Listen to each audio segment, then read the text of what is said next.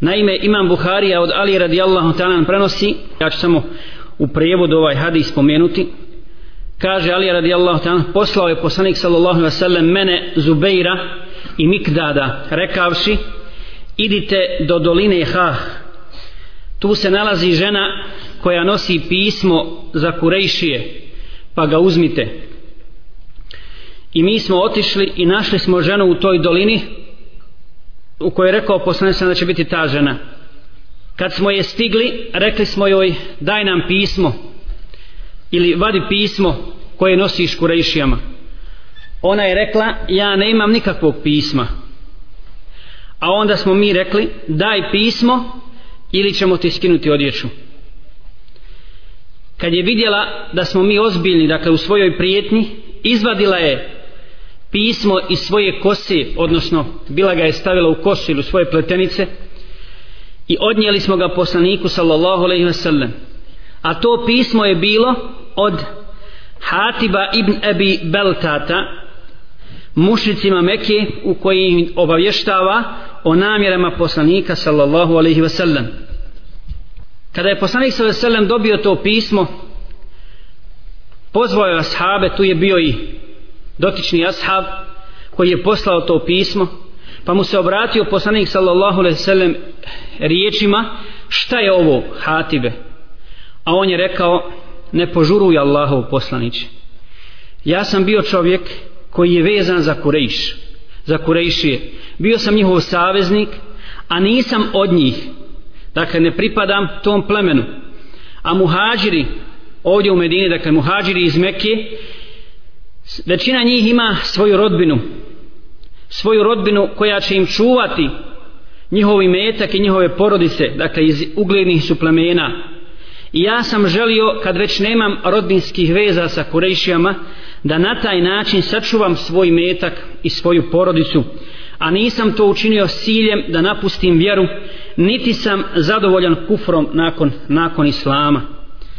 Allahu poslanik sa sedam je na to rekao rekao je istinu rekao je istinu a onda je Omer radijalno rekao o Allahu poslaniće dozvoli mi da osjećam glavu ovom munafiku dakle i pored toga što je poslanik sallallahu alaihi sallam kazao da je ovaj čovjek rekao istinu Omer traži da ga ubije da nad njim izvrši kaznu Allahu poslanik sallallahu alaihi sallam nakon toga reče Omere, on je učesnik bedra.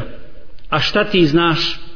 Možda je Allah Đelešanohu pogledao na učesnike bedra i rekao radite što god hoćete, ja sam vam oprostio.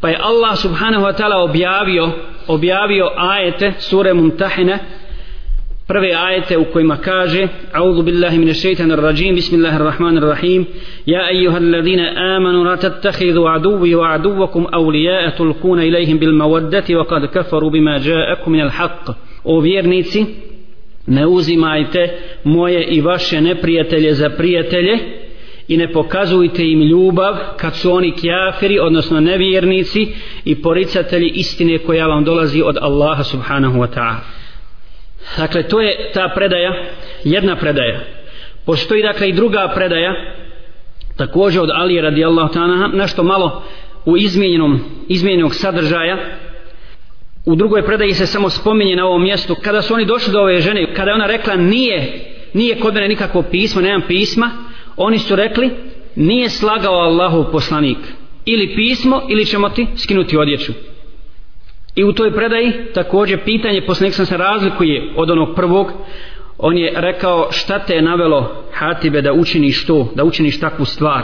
I nakon toga kada je poslanik sallallahu alejhi ve sellem u drugoj predaji se spominje, kada je poslanik sallallahu alejhi ve sellem nakon što je Omer tražio da ga ubije, nakon što je tražio da ubije ovog čovjeka koji je počinio tako veliki grijeh, a vidjet ćemo šta znači taj grijeh, nakon što je poslanik rekao Omeru, Omere, šta ti znaš, možda je Allah pogledao učesnike bedra i rekao rate šta god hoćete, Allah vam je oprostio. Tada je Omer zaplakao. Dakle, to su te dvije predaje koje govore o ovom slučaju, o slučaju izdaje islamske tajne, onda izdaje, izdaje muslimana. Što se tiče pouka, braće i sestre, iz ovog hadisa, ima ih jako mnogo. Ja ću spomenuti samo neke. Pogledajte, jedan obični hadis nije tako dug, a na ovu temu učenjaci su knjige napisali. A kamoli pouke da mi nabrojimo, nabrojimo u ovom našem predavanju koje traje pola sata ili 45 minuta. Prije svega, ovaj hadis, odnosno ova priča, je dokaz poslanstva Muhammeda sallallahu alaihi ve sellem. Jer je obavijestio Aliju preko objave, je tako? preko objave poslanik sele nije znao da je da je ta žena otišla otišla kurejšijama da im odnese to pismo obavijestio Ali i rekao idite u toj i toj dolini nalazi se ta i ta žena koja je pošla u Meku da odnese pismo kurejšijama i to je dokaz istinitosti istinitosti poslanika i njegovog poslanstva Muhammeda sallallahu alaihi wasallam zatim druga pouka braće i sestre jeste jekin ashaba i njihov iman i čvrsto ubjeđenje u istinitost poslanikovih riječi. Gdje se to najbolje vidi? Kada su stigli ženu Alija radijallahu ta'ala i njegovi drugovi rekli su šta? Ahređil kitab vadi pismo vadi pismo nisu rekli da li ti nosiš nešto u meku imaš nešto sa sobom imaš li kako pismo nego vadi pismo sto posto znaju da ona nosi, da ona nosi pismo jer je poslao onaj koji je dobio obavijest preko objave, preko Allaha Đalešanu. Zatim kad je odbila, kad je odbila, nisu se nimalo pokole bali, niti se pokole volim u jeki njihovo ubjeđenje da je to istina. Odbila, rekla je, nema nikakvog pisma, rekli su, zaprijetili su joj, rekli su, skinut ćemo ti odjeću, ako nam ne daš, ne daš to pismo koje nosiš. I tek tada je, tada je dala, dala to pismo. Jekin, dakle, koji koji zaista nama fali nama fali u ovom našem vremenu koje je obilježeno fitnama i iskušenjima zatim treća stvar koja se vidi iz ovoga hadisa iz ove priče jeste moral i čestitost žena u tom vremenu u tom vremenu makar bile i mušrikinje nisu bile vjernice ova žena bila žena mušrikinja koja je ponijela to pismo Međutim, kad su joj zaprijetili da će joj skinuti odjeću, pojati znači auret, što znači stidno mjesto otkriti pred muškarcem, koji ti nije rodbina, odnosno nije tvoj muž ili mahrem, kako se pobojala ova žena i odma pristala da, da im da ono što traži. Čim su joj zaprijetili time? E, uporedimo to sad sa našim, sa našim stanjem danas i sa stanjem morala žena danas, A da ne govorimo muslimankama tadašnjeg doba. E možete onda misliti kako je islam sa svojim uzvišnim propisima izgradio moral i čednost ko žene muslimanke kad se ovako ponašale mušikinje. I sjetimo se one poznate izjave Hinde, ne samo nje, nego inače žena mušikinja koji su tavafile gole oko Kjabe, noću, dakle muškarcu tavafile oko Kjabe i tada u to vrijeme kao mušici, a žene pošto su smatrali, jer nemaju vjere, nemaju objavu, sad su onda izmišljaju, izmišljaju propise, jer ne mogu tavafiti u, u odjeću koju su griješili prema Allahu, onda je moraju skinuti ako nemaju čistu odjeću koju će obući. One koji nisu imale tu odjeću, takvu, ko su bile sromašne, tavafe su oko kabe gole, naveće i govorile su, ako sam otkrila, dakle svoje tijelo nisam nikomu halalila. Nisam nikom ohavala. Dakle, taj moral i čestitost, čestitost, poštenje, poštenje i čuvanje obraza je bio na visokom nivou kod ovih žena. Dakle, u predislamskom dobu, a i u vrijeme islama, kod onih žena čak koji su ostale, ostale mušikim. Nisu bilo još primile islam.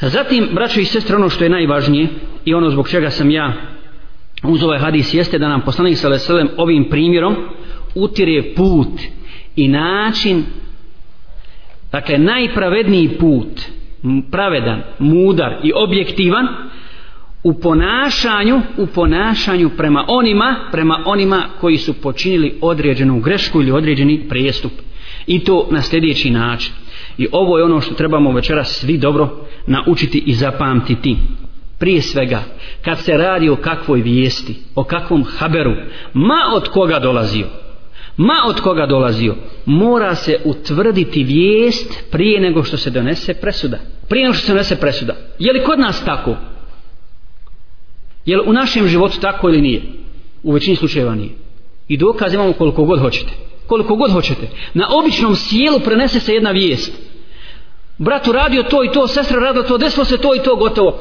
u tom sjelu niko neće kazati šta su ti dokazi treba to prije tako da ne ne ne mi smo prijatelji, mi smo jedna, jedna grupa koja stalno sastaje, vjerujemo jednim drugima bez obzira od koga je ovaj drugi čuo tu informaciju i tu vijest.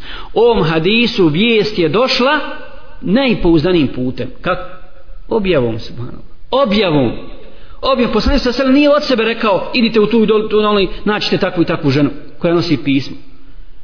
Po svom ičtihadu, nego objavom ga Allah obavještava o toj, o toj ženi. Zatim, Druga stvar jeste upoznavanje sa uzrocima koji su doveli do greške, koji su doveli do, do prijestupa. Kaže poslan Salem Hatibu, ma hameleke ala ma sanat. Šta te je navelo da to učiniš? Nije odma osuda. Grijeh je velik. Vidjet ćemo u, u nastavku šta znači, to je izdaja, to je špijunaža. Izdaja islama, izdaja poslanika sallallahu alejhi ve sellem. I tajni i tajni muslimana. Dakle, poslanik sallallahu alaihi ve sellem daje prostor i mogućnost krivcu, onome koji je počinio takav grije, da slobodno iznese svoje mišljenje, svoje dokaze, opravdanja koji ima i da ispriča sve ono što mu je na duši. Prije nego što se izvrši kazna, jer ovo djelo zaslužuje kaznu, ali možda i nije, vidjet ćemo. Možda će biti oslobođen, oslobođen kazni. Poslanik sada se dakle pušta Hatiba da priča o tome i ne prekida ga, niti pokazuje svoju srđbu prema njemu u datom trenutku. On je pred njim. Suđenje je počelo.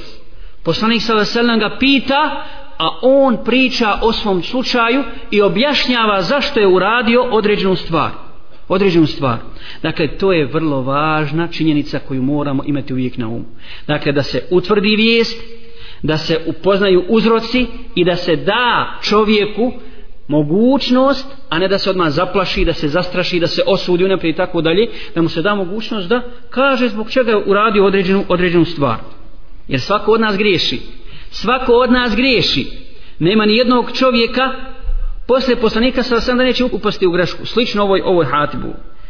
Zatim, sljedeća stvar, kada se dokaže iskrenost prestupnika, dakle da ne laži kada se dokaže da ne laži makar njegovi dokazi ne bili ubjedljivi dakle ne bili ubjedljivi u pitanju kazni to što ti iznosiš neće poništiti kaznu neće poništiti kaznu tvoji dokazi nisu ubjedljivi ali nije slagao nije slagao dakle nije se izvlačio nije rekao dakle ja sam to uradio zbog toga i toga nego je priznao istinu i rekao je osjećao sam da je moja porodica nezaštićena a zaista nisam imao nikakvi drugi namjer da napustim islam da se vratim u kufru, da se vratim mušcima i tako dalje dakle treba tu iskrenost uzet u obzir uzet u obzir i ne treba je nimalo omalovažavati i zanemariti zato poslanik sa selam kaže ema innahu fakad sadakaku što se njega tiče on vam je rekao istinu rekao vam je istinu Zatim sljedeća stvar, ako nečija isprika ili opravdanje nema težinu dakle nije teška sama po sebi ne zadovoljava koliko je težak taj grijeh koji je počinio čovjek onda se vraća na što onda se vraćamo na njegov život to jest na njegova djela na njegova djela i njegova dobra djela upoređujemo njegov rad za islam u ime Allaha Đalešanhu upoređuju se sa greškom koju je počinio jer možda će taj grijeh nestati i utopiti se u moru dobrih dijela koje ova ima poslanik sallallahu alaihi je zavirio u fajl da tako kažem hativa i vidio je šta da je on učesnik bedra učesnik bedra i samo to djelo da nije bio učesnik bedra otišla mu glava to djelo zaslužuje kaznu ali njegovo dobro djelo odnosno ova stvar i ova stavka iz njegovog fajla činjenica da je učesnik bedra jača je bila hiljedu puta od onoga što je on počinio. Dakle, dovoljna je bila da se prihvati njegovo opravdanje nakon što je bio zaslužio kaznu. Nakon što je bio zaslužio kaznu. Zatim sljedeća stvar. Ako nečija isprika ili opravdanje nema težinu, dakle nije teška sama po sebi, ne zadovoljava koliko je težak taj grijeh koji je počinio čovjek, onda se vraća na što? Onda se vraćamo na njegov život, to jest na njegova dijela, na njegova dijela i njegova dobra dijela, upoređujemo njegov rad za islam u ime Allaha Đalešanhu upoređuju se sa greškom koju je počinio jer možda će taj grijeh nestati i utopiti se u moru dobrih dijela koje ova ima poslanik sallallahu sallam je zavirio u fajl da tako kažem hativa i vidio je šta da je on učesnik bedra učesnik bedra i samo to djelo da nije bio učesnik bedra odšla mu glava to djelo zaslužuje kaznu ali njegovo dobro djelo odnosno ova stvar i ova stavka iz njegovog fajla činjenica da je učesnik bedra jača je bila hiljedu puta od onoga što je on počinio. Dakle, dovoljna je bila da se prihvati njegovo opravdanje nakon što je bio zaslužio kaznu. Nakon što je bio zaslužio kaznu. Zatim sljedeća stvar koju izlačimo iz ovog hadisa, braće sestre, jeste da saosjećanje prema djeci i bližnjima, prema svojoj rodbini, nije opravdanje za griješenje i nanošenje štete ummetu, nanošenje štete muslimanima. Naprotiv, to je čista zabluda. To je čista zabluda. Još posebno ako su tvoji roditelji, tvoja, tvoja djeca, tvoja djeca u džehlu, ako, ako ne slijede Kur'an i sunnet, ako su protivnici Kur'ana i Sunneta, ti samo zbog svojih osjećanja, ako zbog krvnih veza podržavaš njih i hoćeš da im izdaš tajnu, tajnu muslimana, to je zaista velika zabuda. To je zaista velika zabuda. Sljedeća pouka koja se izvodi iz ovog hadisa jeste da špioniranje i uhođenje muslimana i otkrivanje njihovih tajni neprijateljima islama je munafikluk, čisti munafikluk i zaslužuje ubijstvo, zaslužuje najveću kaznu bez obzira na cilj, razlog i ispriku. ispriku. Osim ako se ne desi slučaj sličan hatibu, jel? Sličan, sličan hat, to su izuzetci. Šta je sprečilo hatiba da, ne bude, da mu ne bude glava odrubljena? Samo što je učesnik bedra. Ništa drugo, ništa drugo. Samo što je učesnik bedra. To je sačuvalo njegovu glavu i njegov život. A inače ono što je počinio je osobina munafika i poslanik sa sredem to nije porekao Omeru. Pore, to poslanik sa nije porekao Omeru. Nije rekao nije tako. Kada je on rekao daj da osjećam glavu munafiku, nije rekao ovo nije osobina munafika. Nego je rekao nemoj, možda je Allah pogledao na bedrane pa rekao radite što hoćete, ja sam, ja sam oprostio. Što ne znači opet radite šta god hoćete. Ne, nego kako smo malo prije objasnili, dakle, od takvih ljudi se očekuje samo dobro, a mogu pogriješiti, mogu upas, mogu upas u grije. i to smrtono sam grije, smrtono sam grije. Zatim, od pouka svakako jeste i objektivnost, odnosno nježnost srca, ashaba i djelovanje nasihata na njih. Pogledajte Omera radijallahu ta'ala, kad kaže, Ja Rasulallah, daj mi, dozvoli mi da mu osjećam glavu, ovom munafiku kada je poslanik sam rekao Omere možda ti ne znaš možda je Allah oprostio bedranima kada je to poslanik spomenuo Omer je zaplakao zaplakao dakle i i tražio halala od, od Hatiba zbog onoga što je rekao dakle kad se spomeni nasihat bez obzira što je tako teška situacija težak grijeh čovjek počinio ali tu je poslanik da presudi kada je poslanik sam presudio onda progovara iskrenost iskreni iman i istinsko bratstvo u ime Allaha Đelešanuhu kod Omara radijallahu ta'ala an. I na kraju, svakako, ovaj hadis, odnosno ova priča je potvrda akide el vala wal bara odnosno prijateljstva i neprijateljstva u ime Allaha Đelešanuhu i zna se s kim musliman može biti prijatelj a komu je, komu je neprijatelj do sudnjega dana kad kaže Allah Đelešanuhu ne uzimajte moje i vaše prijatelje ne kaže Allah ne uzmete moje neprijatelje nego moje i vaše neprijatelje za prijatelje i tajna im pokazujući ljubav izražavajući ljubav ljubav Allah zna šta vi šta vi izražava a oni ne vjeruju ono što Allah objavljuje istjeruju poslanika i vas zašto samo zato što vjerujete u Allaha dželle Samo zato što je to Allah. Ako ste iskreno izišli da se u ime Allaha borite. Ako ste u ime Allaha učinili hijđu. Ako u ime Allaha sve to trpite. Allah im poručuje muslimanima. Tadašnjim, prvoj generaciji, a i svima nama. Nemojte prijatelje sa Allahovim neprijateljima. Jer su oni Allahovi i vaši neprijatelji. I to je akida ehle sunnata, ehle sunnata vel džamaata.